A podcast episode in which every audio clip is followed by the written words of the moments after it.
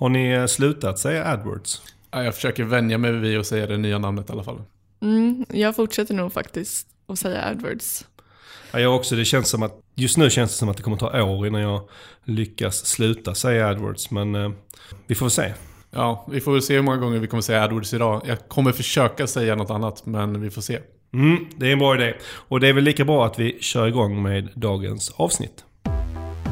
Du lyssnar på Sökpodden. En podcast för dig som gillar Google, SEO och SEM. Sökpodden görs av Pineberry. Varmt välkomna till avsnitt 41 av Sökpodden. Mitt namn är Mikael Wahlgren. Idag har jag nöjet att sitta här med Victoria Nerell Hej och Pontus Karlsson. Hallå, hallå! Eh, våra tre ämnen idag är Google Medic Update. Sen fortsätter vi med en utvärdering av Google Ads nya gränssnitt. Och så avslutar vi med eh, vem som har ljusast framtid av Google och Facebook.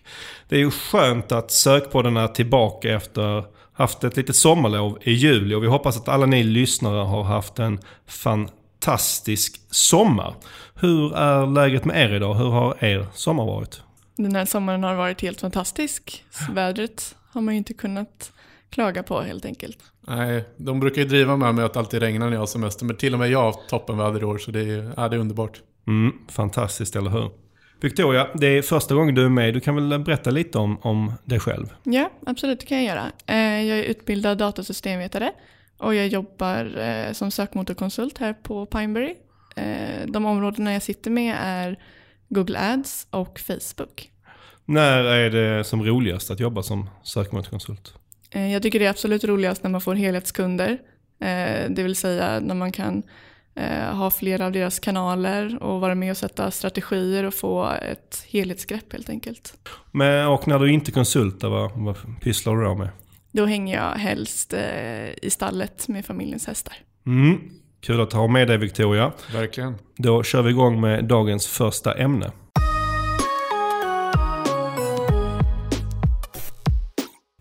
Vi kan väl eh, börja med namnet. Google Medic Update. Det är ju inte ett officiellt namn från Google. De kallade, kallade sitt vanliga Core Update. Då. Det var ju SEO-profilen Barry Swartz som myntade namnet. Vad, vad tycker vi om namnet? Jag skulle säga att det är ganska snävt. Det har ändå påverkat många, många mer vertikaler än bara hälsosegmentet. Så ja, lite väl snävt satt. Mm, jag, jag håller med om det, men sen samtidigt är det väldigt skönt att ha ett namn på uppdatering. Det är väldigt svårt att prata om den som uppdatering eller som bara core update. Utan det är skönt Ja. med namn. Ja men verkligen, jag håller med dig. Och det, det är någonstans kul att det slår igenom ett namn. För när vi hörde Medical Update första gången så tänkte vi så här, det är någon som har försökt sätta ett namn på det. Ja. Men det lyckades till slut och jag tycker att alla pratar om Medical Update nu. De uppdateringar som får ett namn som säger panda och pingvin och där finns ett gäng till. De är ju på sätt lite roligare. Ja, och på något sätt betyder de lite mer för alla. Det visar ju någonstans på det vi kommer in på nu, att vad som har hänt egentligen. Mm, precis, för det, för det hände ju en hel del. Eh, och det är ju det som gjorde att liksom, eh, det rörde om i SO-kretsar. Och vad, vad var det som, som hände? Ja, men med start första augusti så såg många en del förändringar i sökresultaten och som alltid så ser man dem kanske mer i eh, Black Hat World-världen från början där folk börjar reagera på att det händer saker och Ja men det var många sajter som började tappa och ta och det, det gör det ju alltid intressant för oss som sitter och försöker analysera vad som händer. Att Någonstans, ja men det fanns någon, något form av någon form av händelse som var tvungen att börja gräva i. Och sen började folk fråga Google, har, har ni gjort någonting? Och sen efter ett tag så bekräftade de att de hade börjat rulla ut en uppdatering den 1 augusti. En så kallad Core Update. Men vad är egentligen en core update? Ja, det är kanske det mest luddiga Google kan säga. Nej men varje gång nu sista tiden som de har rullat, upp någon, rullat ut någon form av uppdatering av algoritmen så har de kallat det en core update. Och det är väl någonstans deras kärna i algoritmen som de uppdaterar. Men det kan ju vara vilken av parametrarna som helst som de har rört på. Och det gör det ju lite, eller väldigt luddigt. Och det är väl, ja, som sagt var, en otydlighet helt enkelt. Men oftast när de gör en core update så brukar det ändå vara en relativt sett en lite större sak. För de, de rullar ju ut en, en mellan 500 och 1000 uppdateringar per år sägs det. Och de flesta av dem märker vi inte. Men Nej. core updatesen på ett eller annat sätt så kanske man ser någonting av dem. Ja, precis. Och, och någonstans så har de ju ändå kommunicerat ett antal core-updates när folk Mm. har frågat. Så, såklart, det är ju när folk reagerat lite mer som de väl har kommunicerat det. Mm. Det som var lite speciellt nu var ju att den rullades ut över en och en halv vecka. Och det är ju verkligen inte någonting som är... Det blir väl vanligare nu för tiden att de rullar ut över längre period. Men också att de sa att de rullar ut en global och över en och en halv vecka. Det, då indikerar det att det är något lite större också. Exakt, det brukar det oftast med vara när det har varit sådana här som panda och pingviner. Att det tar lite längre tid att få ut allting. Ja, och att de brukar tweaka lite fram och tillbaka för att hitta rätt. Mm. Vad säger Google om själva uppdateringen? Ja, de säger väl inte så mycket egentligen. Eh, Som sagt förutom att det är en core-update och att ja, men, om man väl har blivit någonstans påverkad så finns det inte mycket mer att göra än att fortsätta jobba med sajten och utveckla innehållet precis som deras vanliga mantra säger. Och vi blev eh, kontaktade av en, av en lyssnare som, som driver en medicinsk klinik eh, och eh, som berättade att de har tappat 80% av sin organiska trafik efter den här uppdateringen. Och eh, jag var inne och kollade på sajten och i mitt tycke så ser det, ser det verkligen ut som en sajt. En bra sajt, seriöst och relevant innehåll. Alltså jag fick jag känner, jag känner att jag skulle absolut kunna anlita den här kliniken om, om, om, om det skulle behövas. Eh, och för dem måste det vara ganska frustrerande Verkligen. att få reda på att okej, ni har precis tappat 80% av er trafik. Men gör ingenting åt det, utan fortsätt bara göra som ni har gjort. Nej. Eller vad säger ni? Ja, ja, men jag håller med verkligen. Ja, jag håller också med. Eh, det måste vara väldigt frustrerande för dem. Och som du säger ser vi ju ingenting konstigt på deras sajt som, ja, som ser direkt märkligt ut. Eller? Nej. Och det, jag tycker så personligen att det, det är sådana här lägen som Google faktiskt hade tjänat på att vara lite mer transparent. För jag kan nästan tycka att det blir lite tramsigt när man berättar från sån här sajt som har tappat så här mycket ett, ett, ett, ett seriöst företag som har tappat så här mycket i trafik att ja men fortsätt att göra som ni har gjort. Nej, det blir lite konstigt faktiskt. Ja.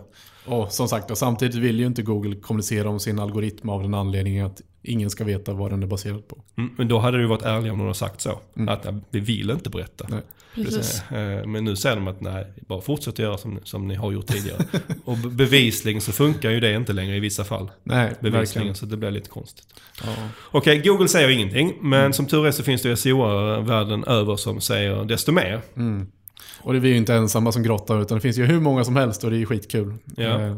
Och eh, två eh, bra genomgångar som, som jag läste är en som, av Marie Haynes, hon var väl den som gjorde den först, som kom ut. Och sen eh, även Barry Swartz har gjort en, där är flera. Men de här två mm, har, har jag tyckt var extra bra. Ja, jag tycker Mary Haynes var verkligen att rekommendera. Mm. Och jag kommer länka till de här i inlägget för eh, eh, avsnittet så om ni vill, men ni vill läsa även dem. Och om vi sammanfattar vad de har kommit fram till och vad vi själva har kommit fram till och vad det vi har grottat ner oss i. Vad, Ehm, vilka sajter är det som, som vi ser har påverkats av Medic Update?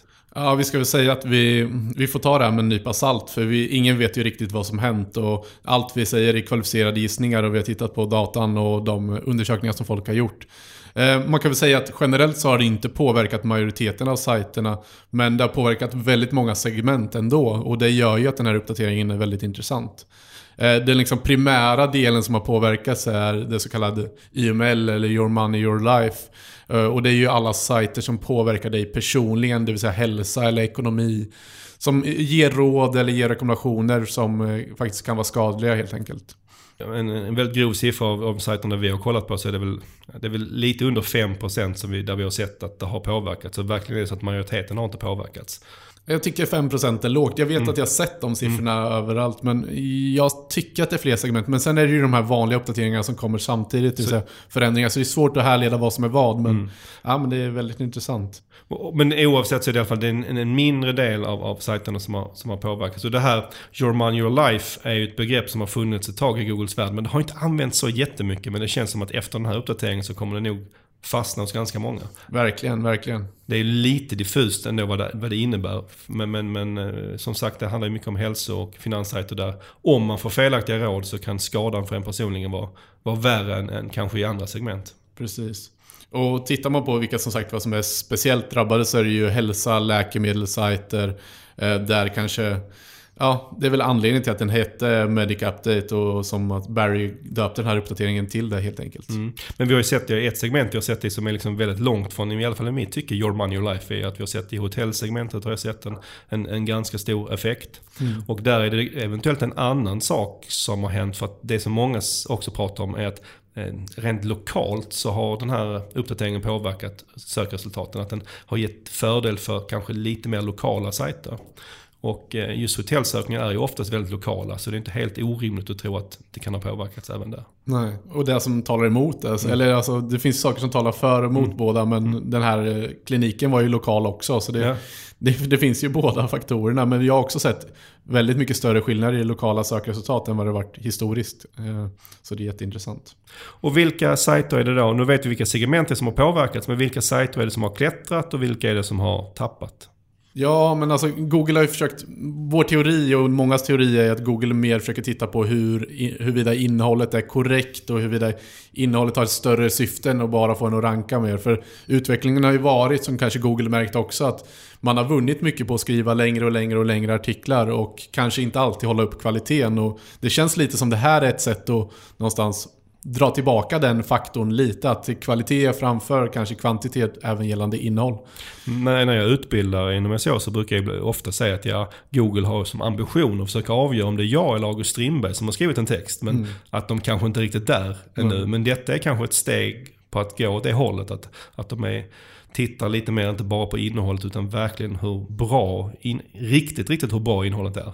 Och det som blir luddigt för mig är att jag fattar inte riktigt hur de klarar av att göra det, men jag ska vara helt ärlig. Jag har mm. haft dialoger här och jag, jag har så svårt att se hur de kan kvalificera innehåll. Och det är kanske där vi ser också. Svenskan är ett litet språk. Det kan ju vara så att vissa blir straffade fast de egentligen har skrivit det bra för att Google mm. har svårt att bedöma det. det. det. finns ju en faktor i det hela såklart. Mm. När de rullar ut saker global.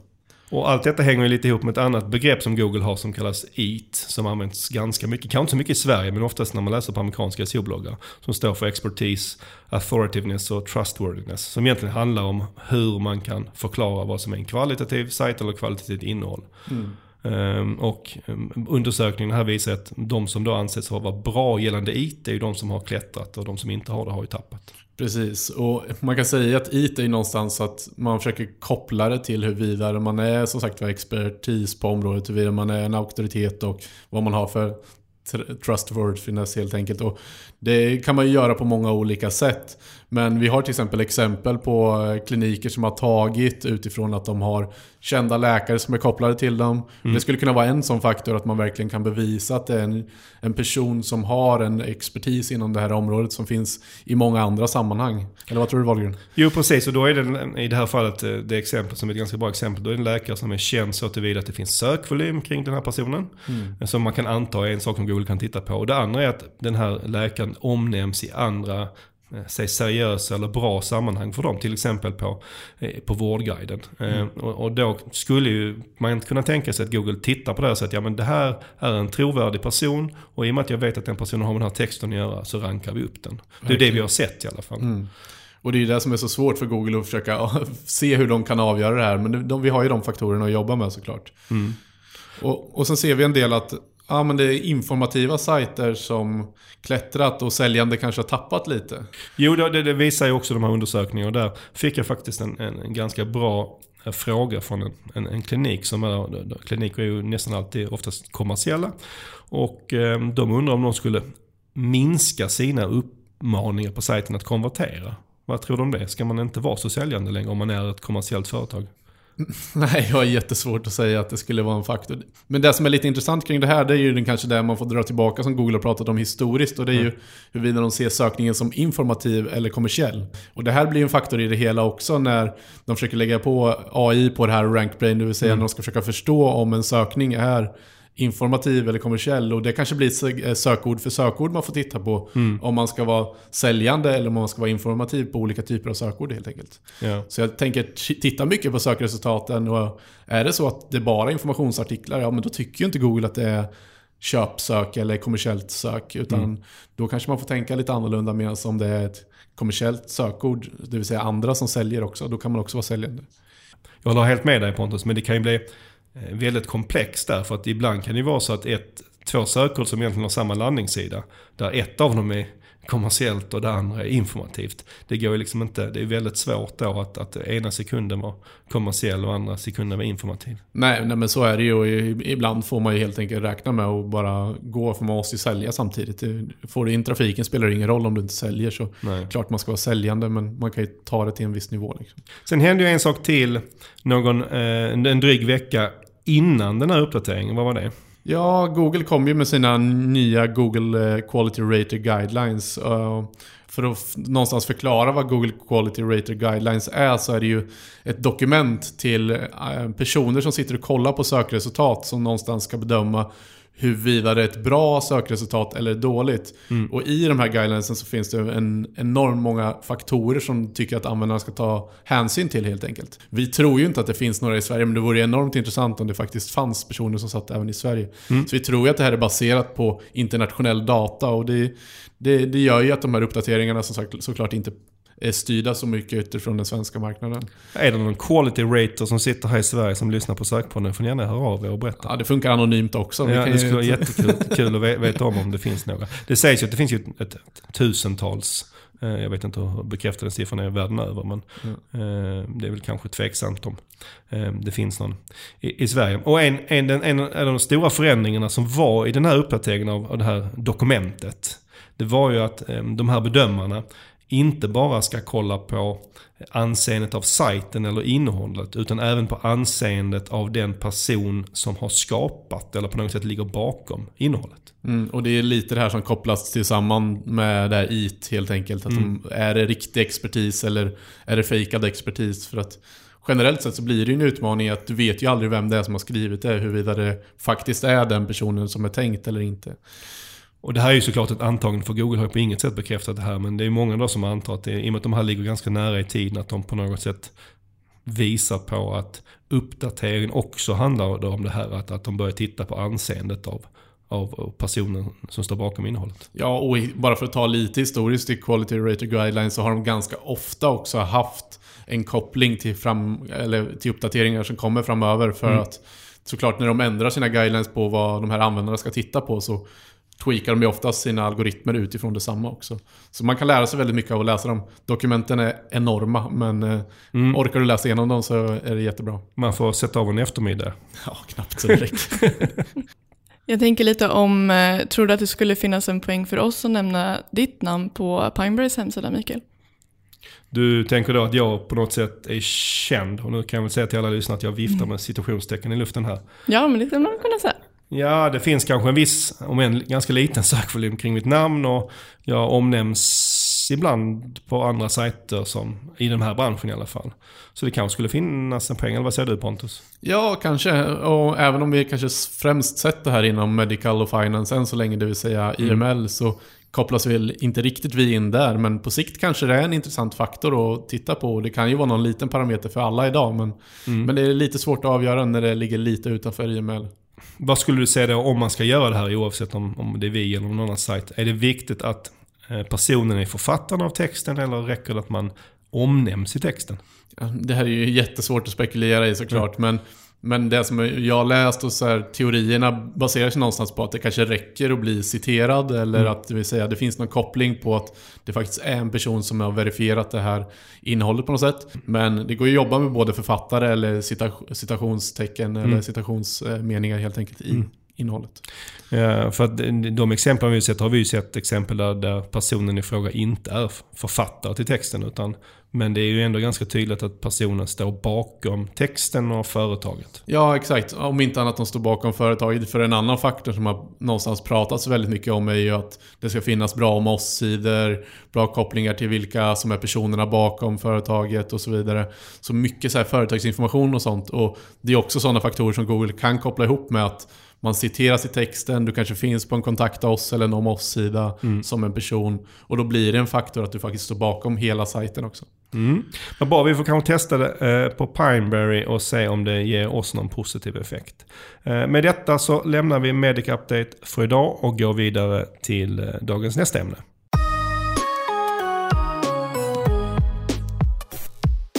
Då var det dags att utvärdera Google Ads nya gränssnitt. Och det ska bli intressant att se vem av oss som först säger det förbjudna ordet. Det är eh, låga odds på mig. Eller vad tror ni? Ja, Vi får väl se. Vi får se. Ingen som vågar säga någonting. Nej. Och det är så att nu har vi haft Google Ads nya gränssnitt i över ett år. Och så vi tänkte ju att det är, det är verkligen hög tid att utvärdera det. Och dessutom så är det ju så att det gamla gränssnittet har ju börjat eh, fasas ut. Precis, det kommer väl vara helt borta till eh, årsskiftet. Och några konton har redan börjat bli av med, med det gamla gränssnittet. Har ni några sådana konton? Nej, inte jag, men jag vet ju som kollegor och kanske några av dem som tycker det är jobbigast att bli av med det har redan blivit av med det. Så det, det är lite kul. Och du Victoria, har du några? Ja, jag har nog ett par eh, konton som inte har tillgång till det gamla längre. Inför det här ämnet så gjorde jag en eh, minst sagt ovetenskaplig undersökning bland våra konsulter här. Där vi, och alla som då jobbar med Google Ads. Några var fortfarande på semester så alla var inte här, men de flesta svarade. Och min fråga var, eh, vilket av Google Ads gränssnitten gillar du bäst? Det nya eller det gamla? Och av de 14 personer som svarade så valde 5 stycken det nya och 9 stycken det gamla. Så ungefär 65% föredrar det gamla. Eh, om vi nu skulle leka med tanken att den här ovetenskapliga eh, undersökningen är representativ för alla som använder Google Ads. Tror ni Google är nöjda med det här resultatet? Nej, jag tror inte Google är nöjda, men jag tror inte de förväntar sig jätte, jättemycket högre nivåer faktiskt. Nej. Vad tror du Victoria? Eh, nej, det känns väl inte som en jättefin eh, siffra egentligen. Men eh, det är väl alltid så när det kommer förändring.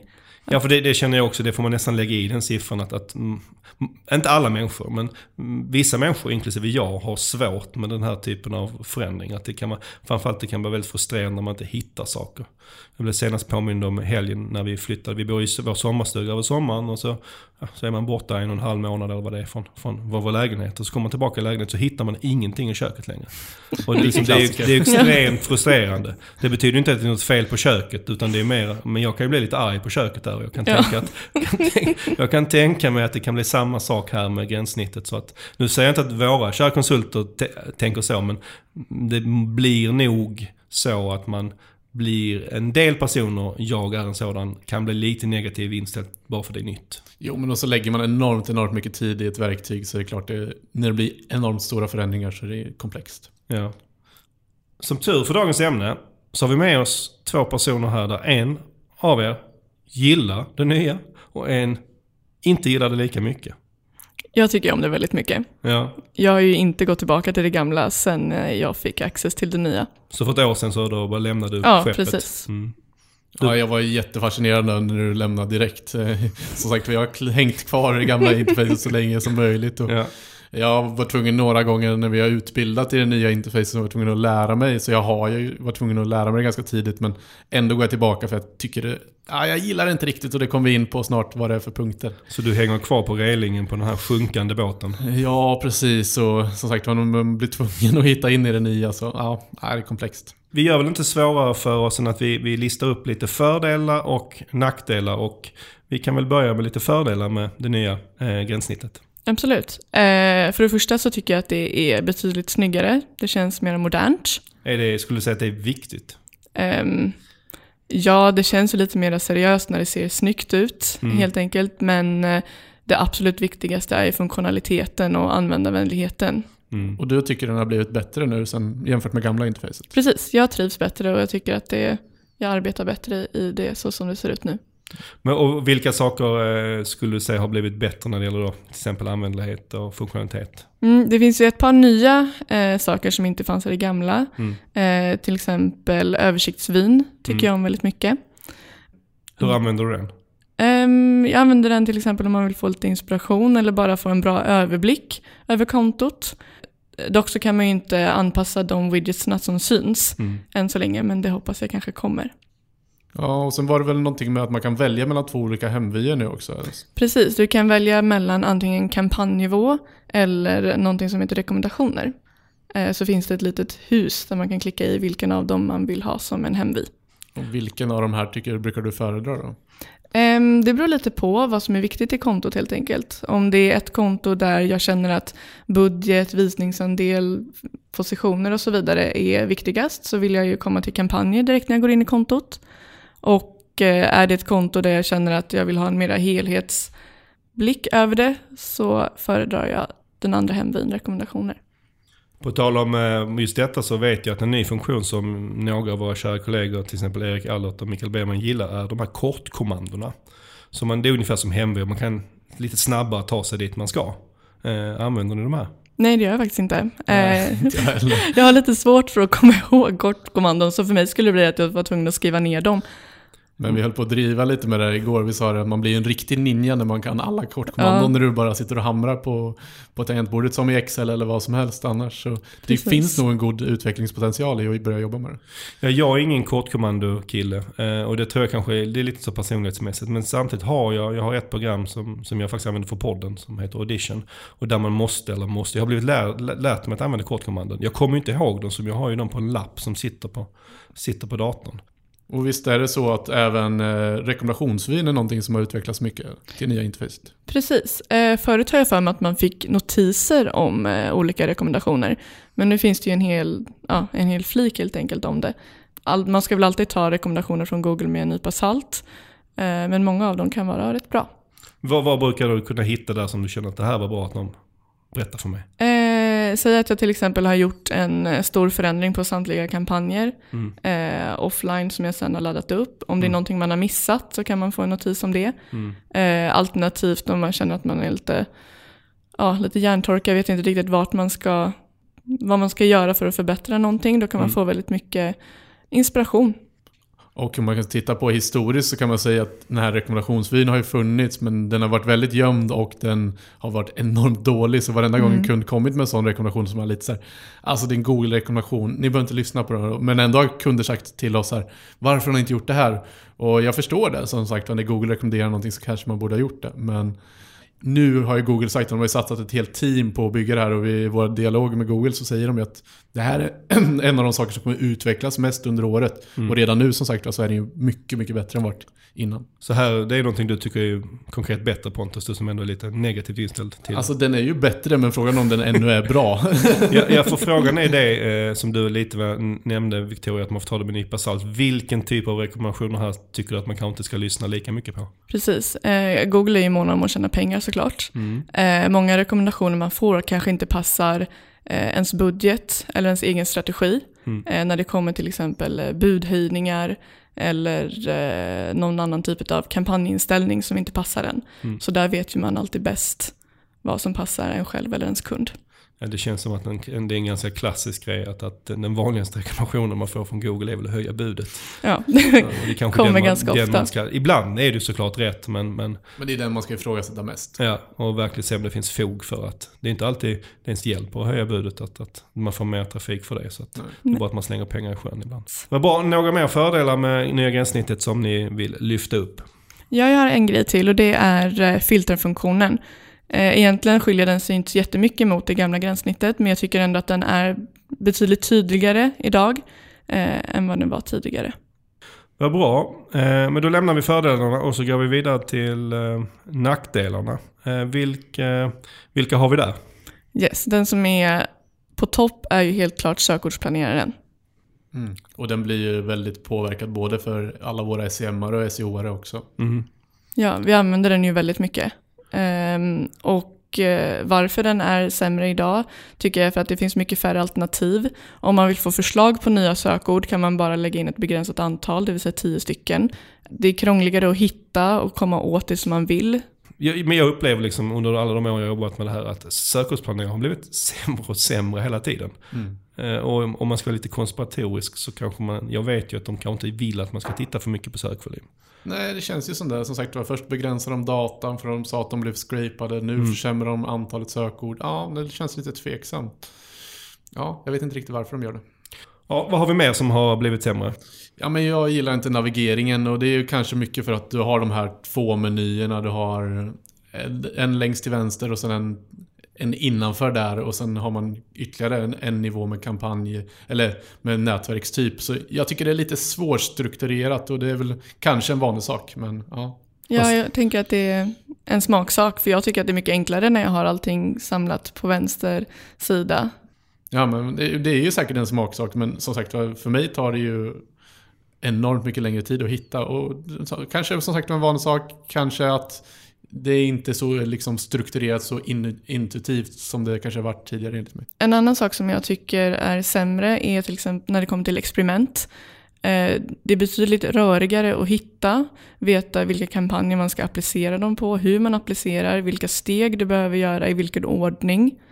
Mm, ja, det här har jag hört från flera också, så det är en, det är en, en utmaning helt enkelt. Ja, det är det verkligen. Använder ni experiment ofta?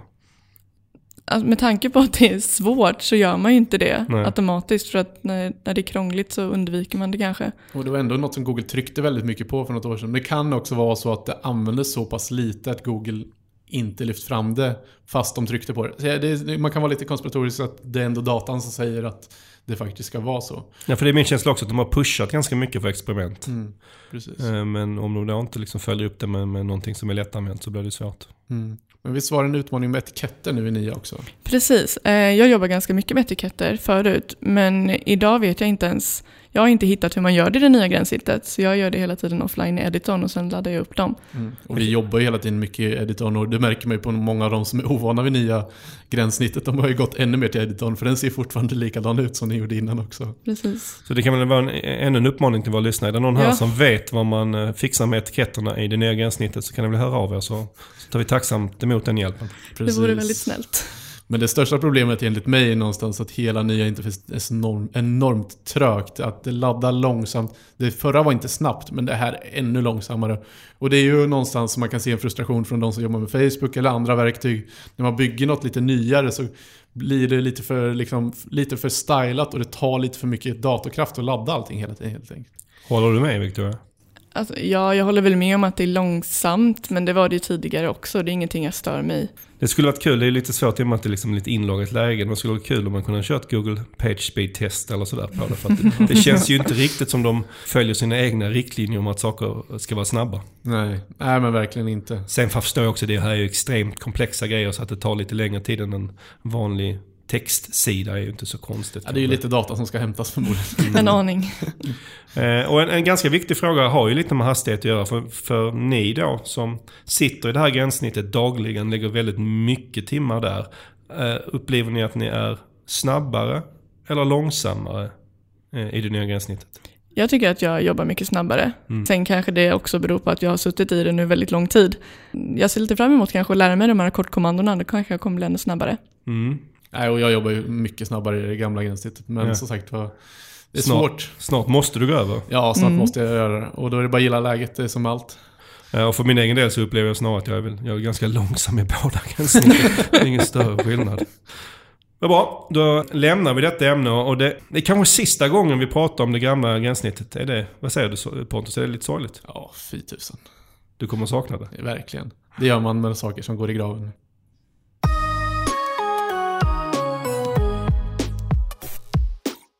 Dagens eh, sista ämne handlar om vem som går mot en ljusast framtid. Är det Google eller är det Facebook? Och vi, vi pratade ju redan om detta i avsnitt 10 och det är ju i och för sig ganska länge sedan det är. Oj, vad tiden har gått. Ja, två och ett halvt år sedan och det har ju runnit ganska mycket vatten under broarna sedan dess. Så vi tyckte det var dags att kanske, i alla fall lite kort, eh, återvända till att uppdatera oss kring hur vi ser på framtiden för de här två internetgiganterna. Då i avsnitt 10 eh, var marknadsvärdet på Google 500 miljarder och Facebook eh, var på 280 miljarder. Och idag är marknadsvärdet 870 miljarder för Google och f- 530 för eh, Facebook. Så det är väldigt grovt, grovt förenklat så kan man säga att båda har ungefär nästan dubblat i värde på de här två och ett halvt åren. Ja, de har inte riktigt kommit upp där, men det är enorma pengar de har ökat i omsättningen. Alltså. Ja.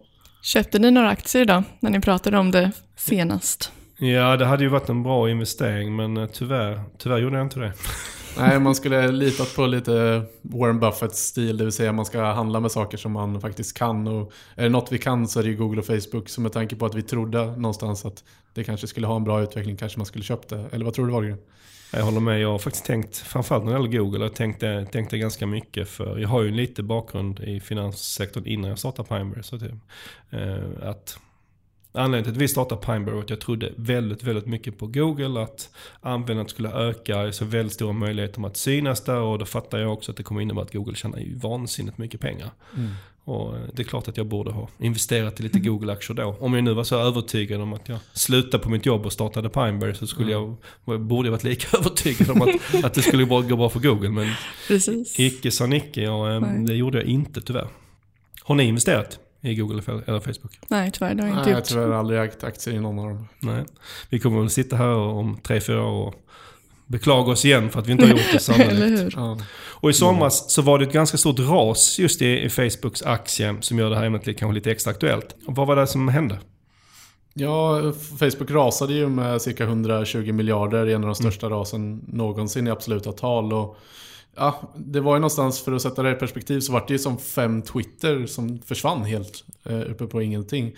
Och det här berodde ju mycket på att det inte nådde riktigt de intäkts och kanske framförallt användarsiffror som man trodde. Ja, jag vet inte vad, om det säger mest om Facebook eller om Twitter. Att, att när Facebook gör ett litet ras så tappar de fem Twitter. Det var inte så ett litet ras heller, men Nej. ändå att det är fem Twitter, det, det, Det säger, ja, jag tycker det, Det säger ganska ganska, mycket. det säger ganska mycket om båda det, bolagen. det är bara vi och politikerna, det vill säga Johan och politikerna som fortfarande hänger på Twitter verkar det som. Mm. I Sverige i alla fall. Ja, och det var som du, du, du sa liksom att de nådde inte riktigt sina intäkts och anvä- användarsiffror. Kanske framförallt i, i Nordamerika där de står lite och stampar. Det är ju där, där de tjänar eh, mest pengar per, per användare. Så då, då påverkar det ju intäkterna mest. Ja, precis. Nej, men och det blir ju väldigt svårt för att användarsiffrorna är ju en utmaning här framöver, eller hur Victoria? Ja, det är det verkligen. Just när man tittar på användarsiffrorna så är det väl kanske ett av de viktigaste sakerna för att utvärdera just framtiden. Hur det kommer att gå. Och hur ser ni på vem ser ni kommer kunna växa mest i användare? Google eller Facebook? Och när det gäller Google så kanske, då kan man ju tänka sig att användare visst på YouTube och sådär men också antal googlingar. Liksom. Var, var, var kommer det växa mest? Det är en väldigt svår fråga. Eh, men om jag ska gissa så tror jag att Google kommer eh, växa mest i antalet användare. Mm.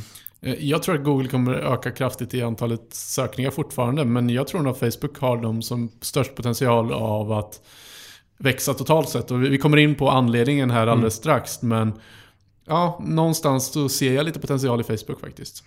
Ja, om man då tar det här eh, som gjorde att eh, Facebook rasade, att de hade problem i Nordamerika. Där kan jag då tro att, ja, där har ju Facebook sannolikt nått nästan sitt tak när det gäller användare. De har fått in typ nästan alla på något sätt. Liksom. Ja, men Facebook har ju enorm täckning i hela Västeuropa, Ja. och, eh, eller i västvärlden kan man Mm. väl säga. Mm. De har ju lite utvecklingspotential, men det är ju på marknader där data är enormt dyrt. Mm. Det är kanske det som är lite utmaningen.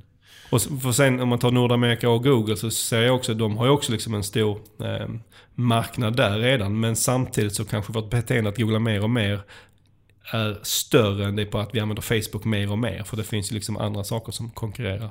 Det är tydligare med Facebook om, om tiden på, på internet. Ja, ja, men så kanske det är liksom. Men det som är problemet med Google och kanske slå i tak, det är ju Mm. att klickpriserna i USA är på en nivå som gör det väldigt svårt. Och många pratar ju om strategier, vi vet vi har pratat i tidigare avsnitt, där man kanske köper trafik på andra kanaler billigare för att sen kunna köpa retargeting och sånt på Google. Så Mm. Googles utmaning är ju klickpriserna på vissa marknader är väldigt höga i vissa segment. Ja men det är en bra poäng att det är en sak att googlingarna växer men om man inte tjänar pengar på dem så spelar inte det så stor roll. Nej, Och där, där känns det kanske eh, samtidigt som att Facebook har en större möjlighet för de har ju inte jobbat lika länge på att sälja ut hela sitt inventory på Mm. samma sätt som Google. Mm. Och jag tror ju nyckeln här framöver för att de ska växa är ju Kina Mm. någonstans. Och jag tror att Facebook är närmare att kunna komma in i Kina än vad Google är. Mm. Och även om jag tror jag läste någonting att Facebook blev utkickade här i somras och de har ju också fått lämna tidigare. Redan blockerade 2009. Mm. Men jag tror att någonstans det är nyckeln för båda för att få den här monstertillväxten som kanske aktiemarknaden förväntar sig. Ja, Facebook startade väl något bolag där nu i somras, eller skulle starta något bolag för, för någon form av verksamhet. Lite oklart vilken, men, men och så blev de nekade att starta bolaget. Men det var redan 2009 som sagt de blev utkickade och eh, Google blev utkickade 2010. Men där ryktas de nu att de är på väg in Mm. med någon form av sökapp med, med censur då på, på, på något sätt. Och jag har så svårt att förstå hur det här sök och speciellt annonseringen och det ska funka i censurerad värld. Men Mm. däremot att Facebook skulle kunna bromsa viss typ av information. Jag tror det är lättare för Facebook för det märker man nästan i när man ser Zuckerberg prata i kongressen att de Mm. kan styra mer vad som ska accepteras och inte. Medan Mm. att göra det i den här spindlingsvärlden med att samla in all världens innehåll som Google ändå gör. Där är det ju enormt känsligt att börja censurera alltså. Mm, och det är väl det som hindrar dem, att det är Mm. känsligt. Liksom. Mm. Men det kan ju vara så att när de känner att de inte har så mycket tillväxt på andra ställen så kanske de blir tvingade att eh, strunta i den känsligheten och kanske ändå köra. Ja, det blir den här kvartalsjakten på nya rapporter som Mm. blir nyckeln. Men vad, hur tror ni att det kommer gå för dem i Kina? För nu som sagt, eh, Facebook har varit borta sedan 2009 och Google sedan 2010. Tiden har inte stått stilla i Kina. Mm. Utan det har kommit upp andra aktörer som har tagit marknaden. Mm. Som Baidu eller WeChat. Tror du att om Google och Facebook nu, vi säger att de skulle lansera imorgon, kommer de kunna konkurrera med de här två? Eller är det för sent? Alltså jag har lite dålig insikt i exakt Baidu, men jag tror att på socialmarknaden så är det ju svårt för Facebook. Men samtidigt så har vi den här kontakten med västvärlden som jag tror liksom kommer göra att Facebook är så stora i resten av världen. Att det blir lättare för dem än, än liksom ställa sig mot sökmotor mot sökmotor. Det är lite same same, bara att WeChat tror jag liksom är en liten annan typ av funktionalitet. Så därför tror jag Facebook är lite starkare. Vad tror du Victoria? Mm, jag tror säkert att det kommer bli tufft för dem båda. Mm. Eh, men med tanke på att de har testat innan och förhoppningsvis lärt sig av det som gick snett så har de antagligen lärt sig av det och de sitter ju på enorma resurser, Mm. eh, både Google och Facebook. Mm. Så jag tror inte att det är för sent för dem. Nej, de har i och för- i och för sig sett, nu kanske det är en dålig jämförelse, men jag vet att Uber har ju satsat ju stenhårt i Kina med enorma pengar. Det har inte hjälpt så jättemycket ändå. Nej, men jag, jag lyssnar på, jag tror det var någon podcast här med ja, någon av de som är baserade, svenskar som är baserade i Kina. Han säger att för varje affärsidé som kommer upp så är det ju minst 20 bolag som alla satsar 100% på att ta platsen och sen är det en som vinner. Liksom, och den här liksom enorma volymen av bolag som hela tiden går in i varje, varje segment gör ju att de har ju tagit så enorma marknadsandelar det är så enormt mycket pengar. Det är ju, vad är det, en miljard kineser idag. Jag menar, en sån marknad finns ju knappt någon annanstans att prata om. Nej. Men vi är överens om att det är den stora möjligheten för tillväxt, men det kommer också vara ganska kämpigt och svårt för dem. Men det är väl bra, de har en, en utmaning på något sätt. Och frågan är om de kineserna kommer att attackera oss, det vill säga de kinesiska bolagen faktiskt kommer i nästa skede. Men det kanske blir ett framtida avsnitt. Det Ja. får vi se. Man kan ju se det också så här att även om Google och Facebook i deras huvudprodukt då i söket för Google och kanske Facebook-appen för, för Facebook har börjat närma sig någon form av tak i västvärlden, alltså även om vi ser tillväxt där. Så har de ju, de är ganska bra på att skapa eller köpt andra produkter som fortfarande eh, växer bra, som man nästan kan säga som, som guldgruvor. Ja, det mest självklara är ju eh, YouTube och Instagram som exempel. Ja, och där växer ju både användarna och intäkterna betydligt mer procentuellt och det finns ju förhållandevis mycket potentiell kvar. Vem tror ni sitter på bäst kringprodukter av de här två bolagen? Då tänker jag då att Google har ju allt från YouTube till Gmail och så vidare och Facebook sitter på Instagram, Messenger och WhatsApp. Vem, vem sitter på bäst tillgångar här? Alltså YouTube är nog det självklara valet om man ska välja en produkt. Eh, och det, det tror jag någonstans är, beror på att Facebook satsar också på video. Någonstans har de insett att tv-pengarna ska ju flyttas någonstans. Och det måste ju bli till en kanal med reklamfinansierad eh, video online, on demand eller som man ska säga. Däremot så har ju Facebook väldigt intressanta kanaler med Instagram kanske den social, det sociala nätverk som växer snabbast. Så, ja. Okej, eh, om vi återvänder lite till det här till aktietemat. Om vi säger att det ramlade ner 10 000 kronor från himlen i ert huvud och ni var tvungna att investera dem i Google eller Facebook. Vem skulle ni då ha köpt? Ja, men eh, kortsiktigt tror jag faktiskt Facebook. För jag tror att de kan trycka ur mer kortsiktigt i sina användare. Och långsiktigt tror jag Google. För att Google har hela alfabetstrukturen och även om det är väldigt så här drömmiga projekt de håller på med så lyckas de med ett av dem så tror jag det finns mer pengar att hämta. Varför inte självkörande bilar? Med tanke på eh, att det har stormat kring dem en del båda två så skulle jag nog helt enkelt välja att sprida mina risker så jag tar hälften hälften. Det var diplomatiskt och lät klokt, Victoria. Eh, Och för min del, om man skulle gå efter historien så skulle det väl sluta med att jag inte investerar de här pengarna alls. Tyvärr då. Eh, men jag tror egentligen att båda bolagen har en eh, ljus framtid. Och tvingas jag välja en så skulle jag nog välja Google. Mer för att det känns som att de, det är lite säkrare att de kommer tjäna pengar. Det känns som att Facebook är lite skakigare, vilket kanske denna sommaren också visade. Så att jag lägger dem på det säkraste stället. Sen är jag inte säker på att det är det bästa. Med det så lämnar vi Google och Facebook för idag och det är hög tid att runda av dagens avsnitt.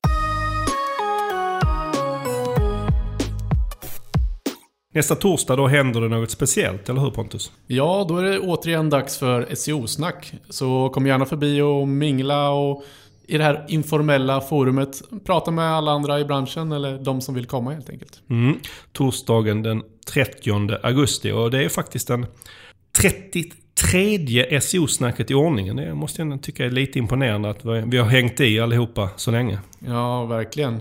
Och det kommer vara på Scandic, en nummer 53 på Kungsgatan 53 i Stockholm. Och eh, de flesta brukar droppa in från klockan 17 och stannar så länge man önskar. Som sagt var, informellt, trevligt, ta en öl eller en cider och prata med lite trevliga människor. Mm, det tycker jag absolut att ni ska göra. Tusen tack för att ni har lyssnat idag. Som vanligt, är det så att ni har feedback på dagens avsnitt eller har förslag på framtida ämnen så hör ni av er. Och då är det mail till sokpodden at pineberry.com eller at sokmotorkonsult på Twitter som gäller. Ta hand om er tills vi hörs nästa gång. Tack för idag. Hej då!